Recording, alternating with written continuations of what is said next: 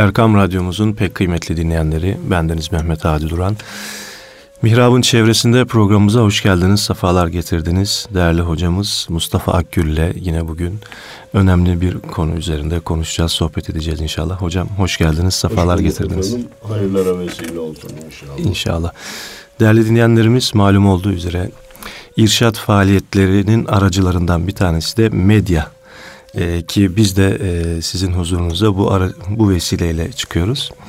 E, medyanın bu irşat faaliyetlerindeki önemi ve dinleyenler açısından da e, hangi pozisyonda olmaları, nasıl bir tavır takınmaları konusunda hocamızla bir sohbet edeceğiz. Evet hocam. E, Bismillahirrahmanirrahim. Elhamdülillahi Rabbil alemin. Ve salatu ve selamu ala Resulina Muhammedin ve ala alihi ve ashabihi ecma'in. Muhterem hocam, değerli dinleyenler. Bugün biraz evvel Hadi hocamın söylediği gibi medya dediğimiz gazete, mecmua şekliyle yazılı olanlar, radyo şekliyle sesli olanlar, televizyon şekliyle görüntülü olan e, iletişim vasıtalarının bizim açımızdan önemi ve nasıl bakılması gerektiğine dair bir sohbet yapmaya çalışacağız. Beni en çok rahatsız eden uyduruk e, kelimelerden birisi de işitsel ve görsel kelimeler. Evet. Her duyduğumda beynime zonklar. E, son zamanlarda bu bir hastalık hale geldi. Ev atıkları desek hiçbir şey olmayacak ve herkes rahat anlayacak. Evsel atık. Efendim, ya göze hitap eden e, ile haberleşme vasıtaları desek herkes anlayacak. Görsel iletişim araçları. İşit, işitilen, duyulan e, se, iletişim ya da haberleşme vasıtaları desek anlaşılacak. İşitsel. Hem hem anlaşılmaz ediyor hem de e, insanın beynine yukarı gidiyor. Efendim dedi ki bunlar gazete, mecmua gibi yazılı olanlar var. Göze hitap edenler var. Radyo gibi kulağa, televizyon gibi hem göze hem kulağa hitap edenler var. Şimdi bir Müslüman, Türkiye'de yaşayan bir Müslüman nasıl davranmalı? Efendim, gazete, mecmualar okuyucularıyla ayakta kalan yayın organlarıdır. Valla Müslüman seçecek. Hangi gazete benim vatanıma, milletime, dinime hizmet ediyor? Evet. Ona elinden geliyorsa abone olacak. Birkaç tane almakla değil onu yaşatmak için gayret sarf edecek. Efendim aynı gazete 3 sene, 5 sene, 8 sene sonra ray değiştirebilip belki para kazandıktan sonra paranın tesisinde kalıp hizmetin dışına çıkabilir. Derhal terk edecek. Evet. İlla ömür boyu sanki tırnak içinde katolik nikah kıymış gibi o mecmuaya, o gazeteye devam etmek mecburiyeti yok. Gazete kendisini ayarlasın. Türkiye'de televizyon ve gazete açısından Hadi Hocam en çok raydan çıkaran sebep reklam oluyor biliyorsunuz. Evet. Niye? Ya reklamı almasak nasıl yaşayacağız diye başlıyor. Reklam alınca İslami esaslara uygun olmayan reklamlar alınmaya başlıyor. Evet. Kıyafet açısından İslam uygun değil. Ürün fikir, açısından. Fikir açısından. Ben şimdi isim vermeyeceğim ama bir gazetede ben banka reklamını görünce dedim ki arkadaş bu olmaz. Şimdi sütunlarda faiz haramdır diye yazacağız. Ee, açacaksın sayfa falan paranızı falan bankaya verin çünkü o size şu kadar faiz veriyor diye reklam yapacağım. Bu olmaz. E, bu bilhassa televizyonlarda e, biliyorsunuz reklam ajansları reklamı hazırlayıp getiriyor paket olarak. Bunu yayınlıyor musun, yayınlamıyor musun? Ya ben şurasını yayınlarım, burasını yayınlayamam da diyemiyorsunuz. O zaman e, yayınlamazsam ben nasıl ayakta kalacağım?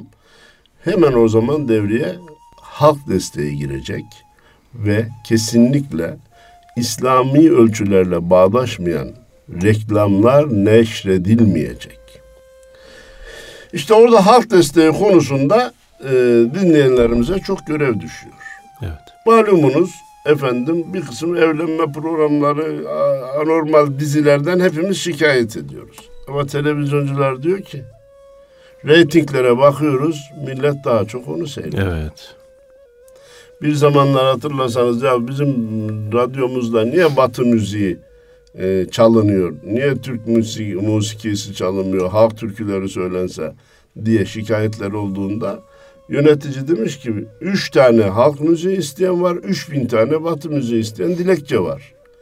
E siz de aşağıdan talep edin ki biz ona göre hareket edelim. Evet.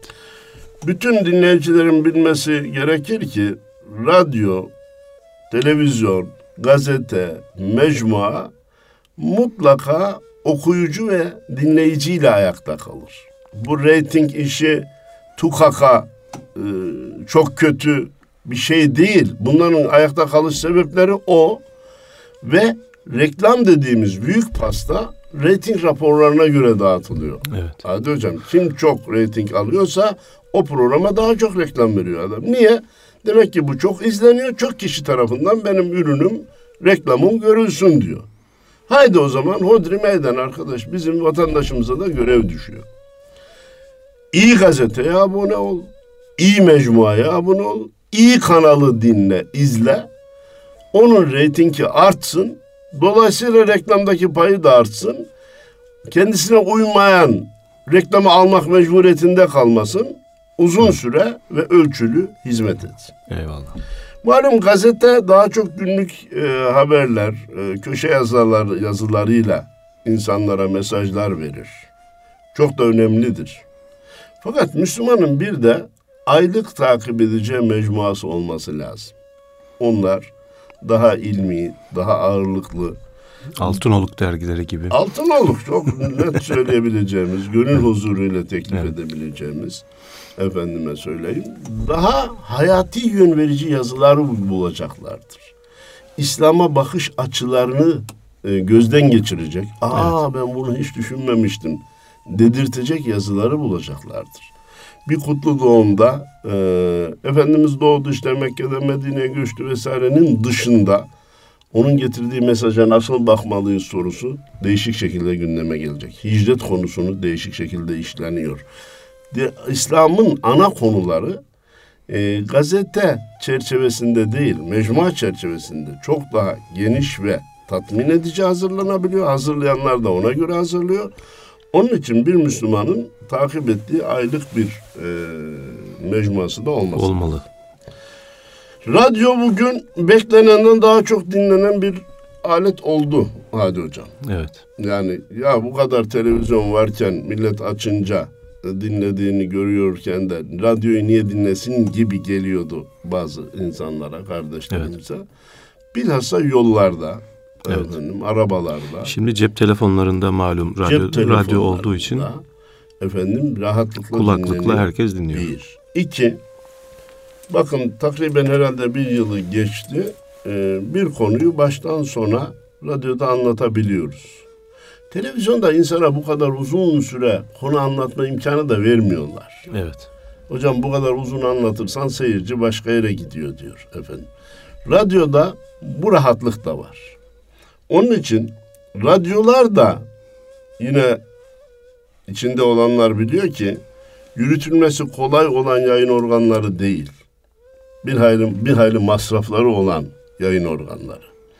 O zaman dinleyici kardeşlerimize düşen vazife sadece dinlemek değil. Maddi imkanı müsait olanların reklamlarıyla İslam'a hizmet ettiğine inandığı radyoları desteklemeleri gerekir.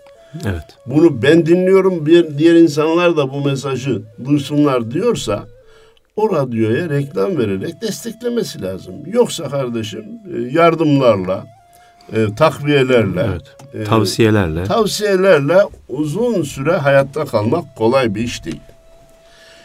Televizyonları biraz evvel söyledik. Sayıları şu anda arttı. Ee, Cenab-ı Allah e, hayırlı hizmetler nasip eylesin. Efendim e, bu medya dediğimiz yazılı ve göze hitap eden yayın organlarında bir anlatan var, bir de dinleyen, anlayan, izleyen var. Her ikisine de önemli görevler düşüyor. O eski hocalarımızın tabiri ne kadar güzeldi. Cenab-ı Allah bize hüsnü ifade, sizlere de hüsnü istifade nasip eylesin Ya. diyorlardı. Bu radyoya çıkan, mikrofona çıkan, eline kalemi alıp bir gazetede yazı yazmaya niyet eden, bir ekrana çıkıp televizyondan insanlara bir şeyler anlatmak isteyenler Euzu Besmele'yi çok iyi çekmesi lazım. Evet. Çünkü yayın organlarında hizmet Adi Hocam bana göre elektrikle uğraşmak gibidir. Evet. Eğer elektriği siz kablonun üstünden tutarsanız o size hizmet eder. Yerinizi de süpürür. Yemeğinizi de soğuk tutar. Buzdolabı görevi yapar. Çamaşırınızı da yıkar. Birçok hizmetlerinizi yapar. Ama kablonun sıyrılmış yerinden tutarsanız size hizmet etme yerine sizi çarpar, öldürür. Şöhrette afat vardır. Nice insanlar maalesef televizyona başladığı, radyoya başladığı günden daha sonra onun elektriğinden tutmuş, şöhret ateşine yanmış ve raydan çıkarak faydalı olma yerine zararlı olma şekline dönüşmüştür. Ben isim yine vermeyeyim. Aslında versek daha iyi olur ama vermeyeyim. Ankara'ya kadar ben telefon açtım ki falan kişiye program yaptırdığınız için Allah sizden razı olsun diye. Aradan beş sene altı sene geçti. Aynı kişi için ya Allah aşkına şu adamı susturun. Susturun artık. Yeter çünkü millete ümmete zehir saçıyor. Gençlerin kafasını Allah bullak ediyor. İnsanları ibadetten uzaklaştırıyor. Demek mecburiyetinde kaldım. Neden oldu bu? Şöhretin getirdiği afat. Şöhret elektriğine dokundu ve çarpıldı. Evet. Büyüklerimiz şöhrette afat vardır buyurmuşlar. İnsanlar için üç tehlike var. Şöhret, servet, şehvet. Bunlar insan için lüzumlu bak kardeşim. İnsanın tabiatında da var. Bilinmek ister. Malumunuz Cenab-ı Allah bile bilinmek istedim insanı yarattım diyor. İnsanlar tarafından tanınmak insanın nefsinin hoşuna gider. Hoşuna gider. Ama bu tansiyon gibi olmalıdır. Fazla olduğun zaman beyin damarlarını çatlatır. Servet, para, mülk. Kimse bana benim yanımda paranın toprakla hiçbir farkı yok. Gazelden farkı yok. Gazete kağıdı ile para benim yanımda eşittir demeye kalkmasın. Bir insan parayı sever, mal edinmeyi sever, dünya malına bir muhabbeti vardır. Kur'an-ı Kerim de bunu Cenab-ı Allah bizi yaratan bize haber veriyor. Fakat işte buna, bu da tansiyon gibi olması lazım. Bunun da buna fazla rağbet insanı yoldan çıkarır. Şehvet evlenme duygusudur. Nikah ve yuva kurma şekliyle icra edilirse nimet olur. Raydan çıkarsa felaket olur. Konumuz olan medya ile meşgul olma noktasında meşgul olanlar çok iyi dikkat etmesi lazım. Nefis ve şeytan her an insanı tuşa getirebilir. İstifade edenler de iyi kanal, iyi radyo, iyi gazete, iyi mecmua seçerek ve sadece dinleyip izlemekle kalmayıp onları maddi imkanlarıyla destekleyerek bu hizmete omuz vermeleri lazım. Efendim bugün bunların irşat dediğimiz ne efendim? İnsanlara doğru yolu Doğru gösterme. göstermek. Bu ilk bakışta Hadi Hocam sadece hocaların görevi gibi görünüyor. İşte imamsa, müezzinse, vaizse, müftüyse, Diyanet İşleri Başkanı ise, başkan yardımcısı, daire başkanı ise insanları irşad etsin. Ama itimat edin meseleye eğildiğimizde göreceğiz ki vel tekun ummetun min vel tekun ummetun Vel teküm minküm. Ha, hele hele oraya uymayınca görüyor musun nasıl çağırıyor? Vel tekum minkum ummetun yed'une ilel hayri ve ye'murune bil marufi ve yenhevne anil münker. Sizden bir ümmet, topluluk, grup, bütün la ilahe illallah Muhammed Resulullah diyen herkes iyiliği emretmek ve kötülükten sakındırmakla yükümlüdür. Burada bir parantezimiz var. Kardeşim, iyiliği anlatırken iyi anlatmaya gücün yetiyorsa anlat. Kötülükten sakındırırken iyi sakındırmaya, adamın damarına ve nasırına basmadan anlatmaya gücün yetiyorsa anlat. Kaş yapayım derken göz çıkarma. Çıkaracaksan hiç girme.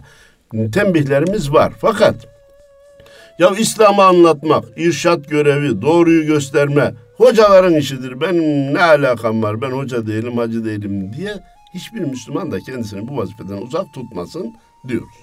İrşat buysa anlatanların dikkat etmesi gereken şeyler var dedik. Ne?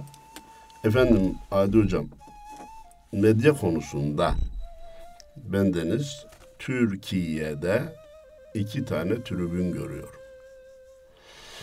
Tribünlerin birinde ham softa kaba yobaz dediğimiz tipler oturmuş. Tabir Necip Fazıl'a ait. Ham softa kaba yobaz. Yok mu? Var. Muzdarip miyiz? Muzdaribiz.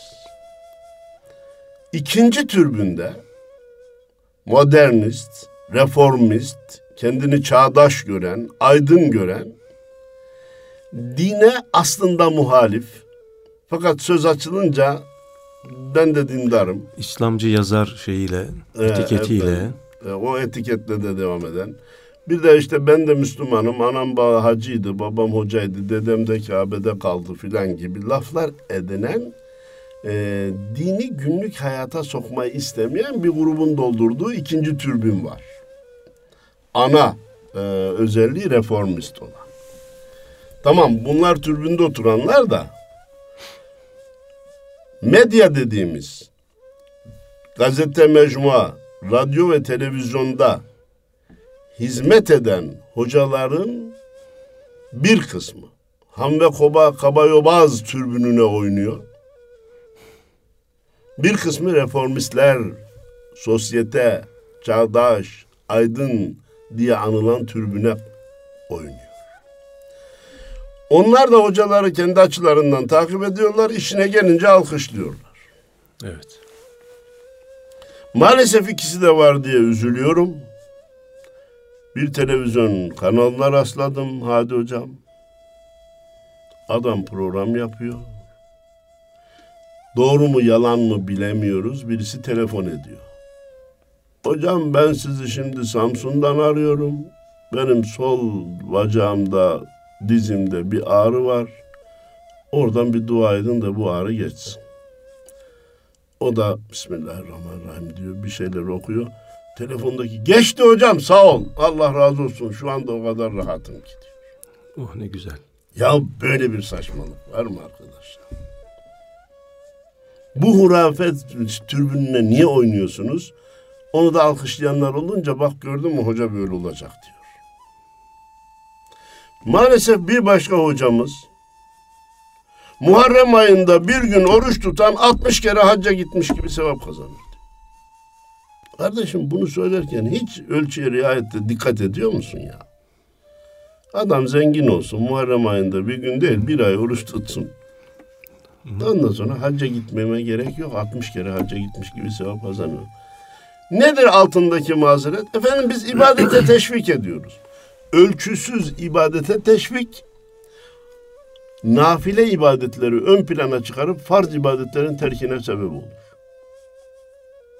Evet. Nafile ibadetleri ön plana çıkarır, farz ibadetlerin ana duvarın terkine sebep olur. Evet. Onun için hatırlarsanız biz dedik ki Kadir gecesi bin aydan eftaldir. Bunun inkarı insanı kafir eder çünkü ayet-i kerime açık. Ama kimse zannetmesin ki bir Kadir gecesinde ibadet edersen bin ay ibadet etmiş sayılırım. Öyleyse namaz kılmama gerek yok, oruç tutmama gerek yok zannetmesin. Camide kılınan namaz, evde kılınan namazdan 27 kat daha eftaldir, faziletlidir, bereketlidir, sevaplıdır. Bunu inkar eden bana göre dinden çıkar çünkü hadis-i şeriftir. Efendimizin hükmünü Efendimizin. reddetmek dinden çıkarır insan. Peki ben bir gün gideyim camide bir vakit kılayım. 27 vakit kılmış gibi olurum. Diğerlerini kılmama gerek yok derse ne kadar yanlış anlamış olur. Evet. Bu yanlıştan kurtarmak için de hatırlarsanız şu misali vermiştim. Bir araba var 10 bin lira bir araba var 100 bin lira. İkinci araba 10 katı daha pahalı. Pahalı. Ya durup dururken değil, motoru şöyledir. Ee, efendim, e, kabortası böyledir. Donanımı şöyledir. Emniyet şeyleri tertibatı vardır vesaire. Bir şey var ki 100 bin lira ediyor. Ama bu 100 bin liralık araba da 10 bin liralık arabanın götürdüğü kadar kişi götürür. 5 kişi taşır.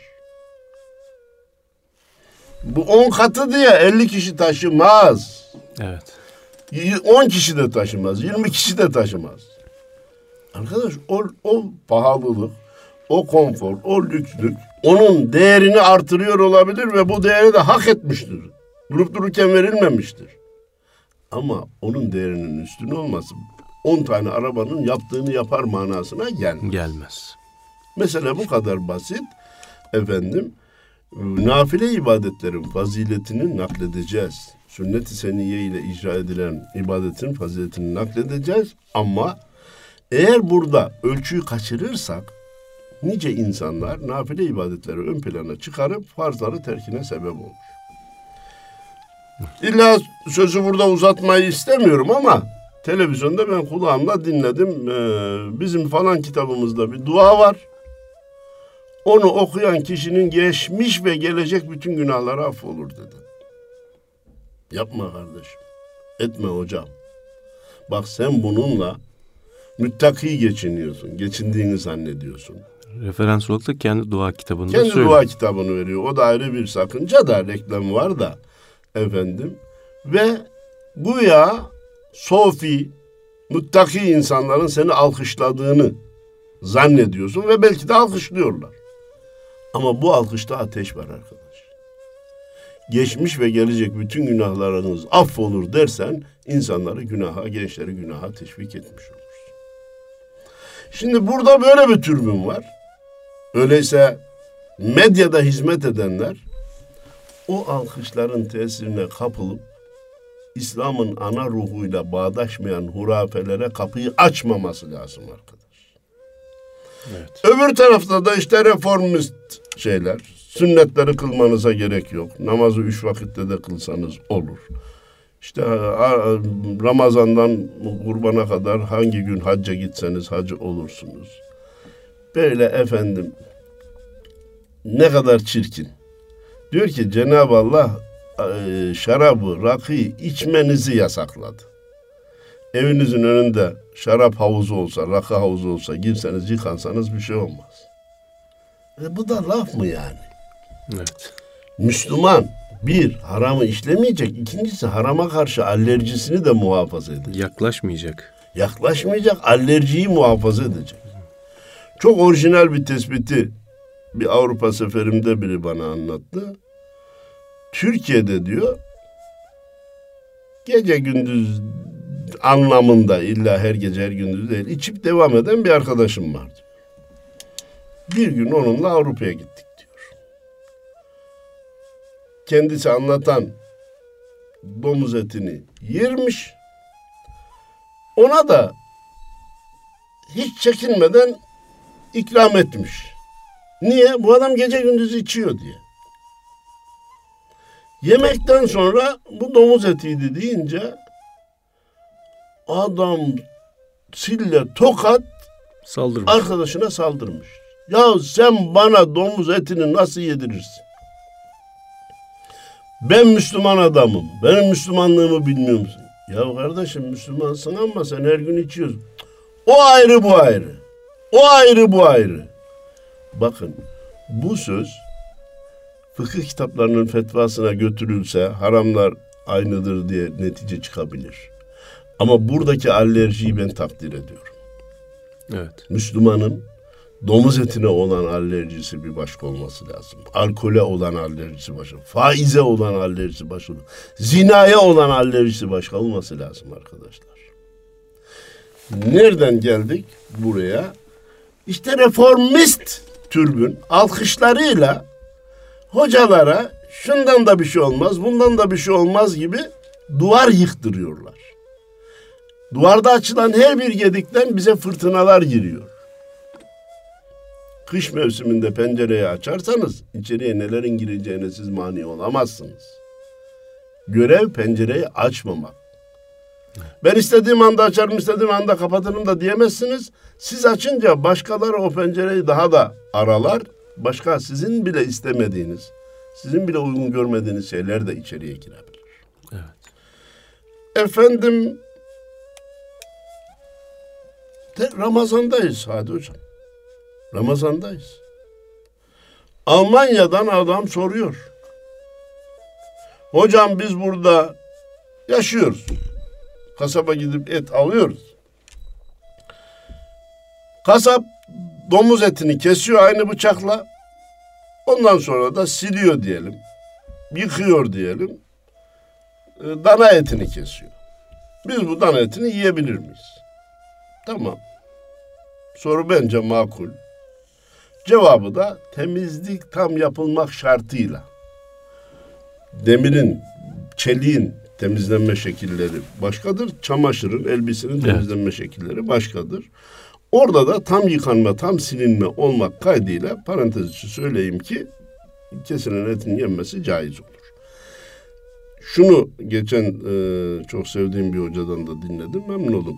Diyor ki bir bıçak demirden çeliğe dönüştürülürken domuz etiyle, domuz kanıyla çeliklendirilmişse onun tekrar normal temiz suyla üç kere çeliklenmesi lazım ki temizlenmiş olsun.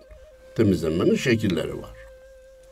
Fakat vatandaş diyor ki bu bıçakla kesilen yiyebilir mi? Vatandaşın sorusu cevabı parantez içerisinde. Asıl beni cevap veren hocanın sözü etkiledi. Ha özür dilerim yiyebilir miyiz demiyor vatandaş. Orucumuza mani olur mu diyor. He. Ha, hoca. Efendi diyor ki ya bırak diyor bıçakla o bıçakla kesilen dana etini yemenin oruca zarar vermesini. Siz gece sahurda domuz etiyle sahur yapsanız yine gündüzki orucunuz bozulmaz diyor. Vay vay vay. Ya söz fıkıh açısından doğru hadi hocam. Söz fıkıh açısından doğru. Bir insan gece sahurda domuz eti yese gündüzki orucunu bozmaz. Fakat bu da laf mı yani? Bu da söylenecek söz mü yani? O zaman Müslümanın domuz etine olan alerjisini kırıyorsun sen. Evet. Olmaz böyle şey. Çağdaş hoca olacak, aydın hoca olacak, efendim, günün şartlarına uygun hoca olacak. Bizim gerek medyada, gerek dar toplantılarda ayağımızı kaydıran, bizi raydan çıkaran sözlerden biri şu malum hocam. Hadi hocam. Ah hocam keşke bütün hocalar sizin gibi aydın Olsa. olsa. Sizin gibi hoşgörülü olsa.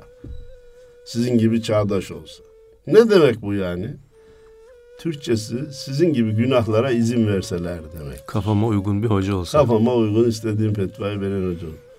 Burada estağfurullah, estağfurullah dedik mi biz onlara sermaye vermiş oluruz. Hayır, bütün hocalar aydındır.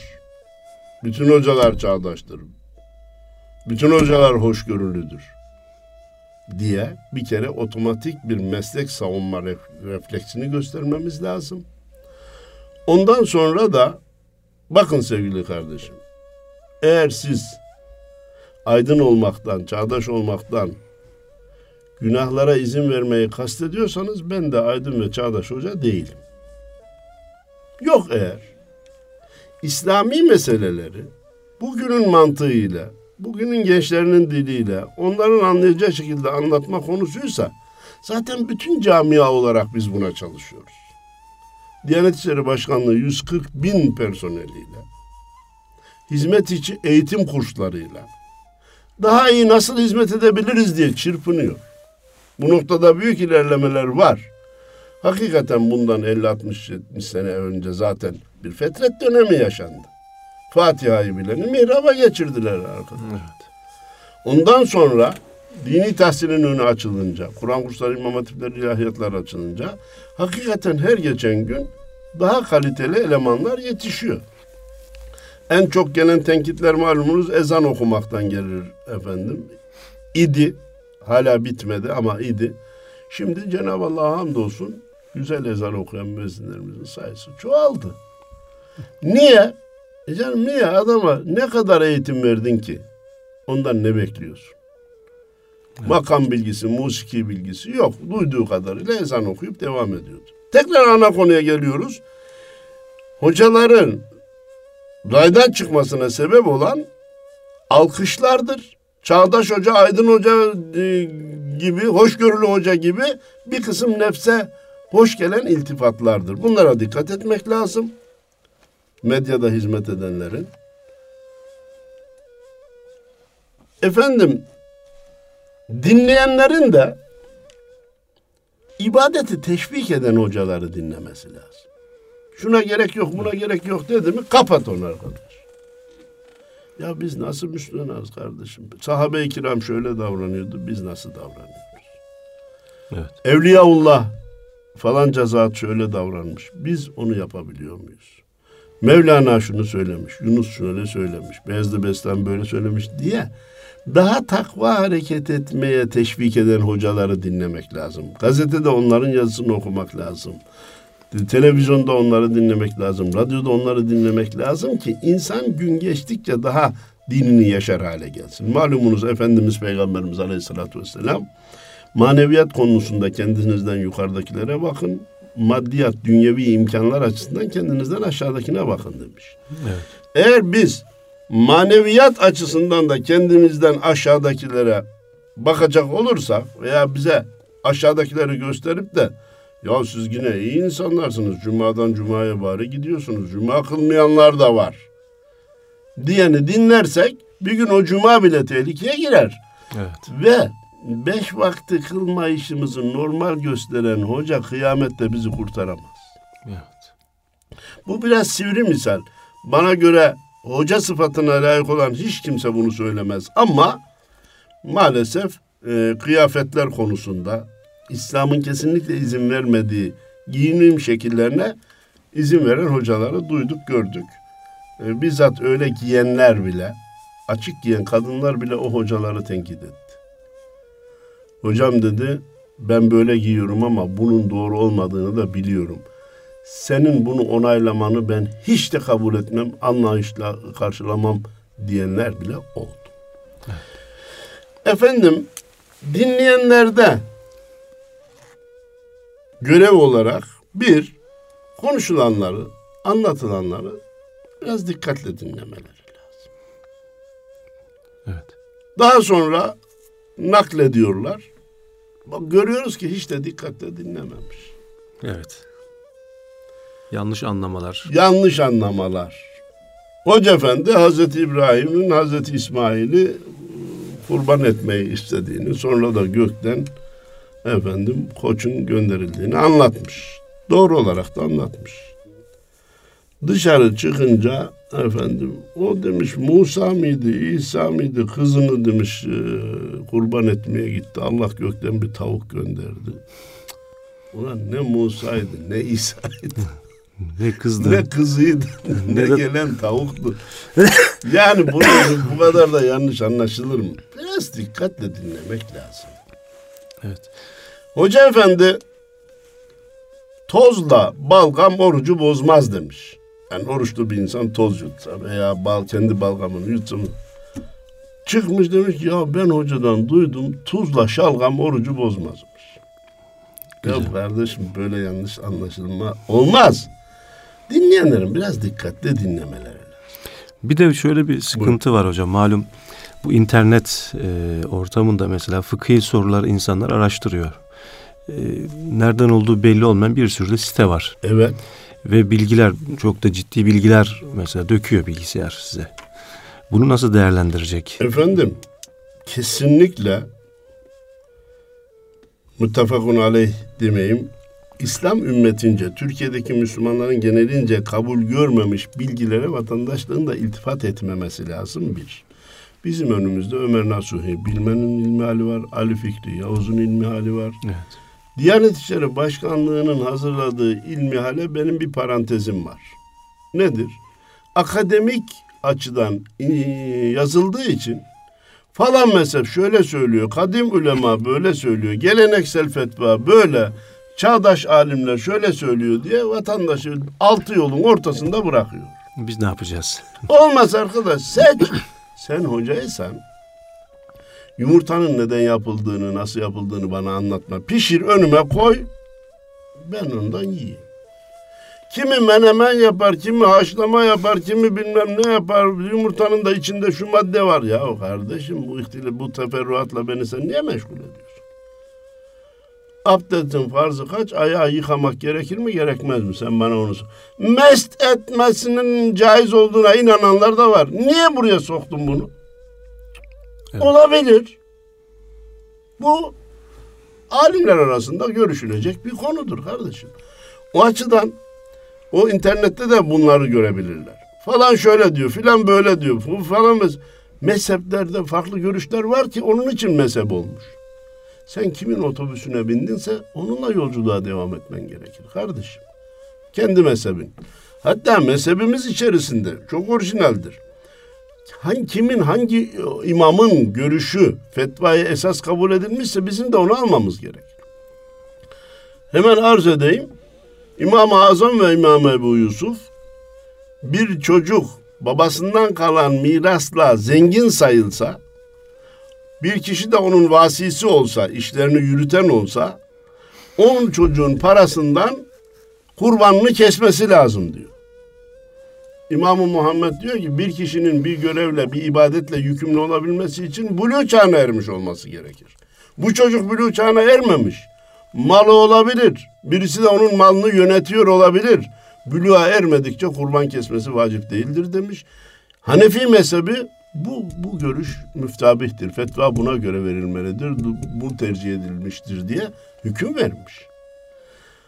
Ya bu iştihat ayrı, ashabı tercih olmak ayrı, müftabih olanı bulmak ayrı. Bunlar bizim bu internet bir bakıma iyilik getirirken bir bakıma da şaşkınlık da getirdi. Ona da dikkat edilmesinde fayda görüyorum. Vaktimiz nasıl? Hocam vaktimiz sonuna geldik. Ha dinleyenlerin dikkatle dinlemesi gerektiği gibi arkadaş dünyanın en iyi hocasını televizyona çıkarsak, en iyi hocasını radyoya çağırsak, en iyi hocasına yazı, makale yazdırsak Söylenenler, okunanlar, dinlenenler de ne kadar hoşa giderse gitsin. Eğer günlük hayata tatbik etmezsek bize faydası olmaz. Evet. Dinleyen de tatbik edecek, anlatan da tatbik edecek. O zaman feyiz bereket olacak. Medyayı anlatanımızla, dinleyenimizle günlük hayata tatbik maksadıyla kullanırsak bize faydası olacak.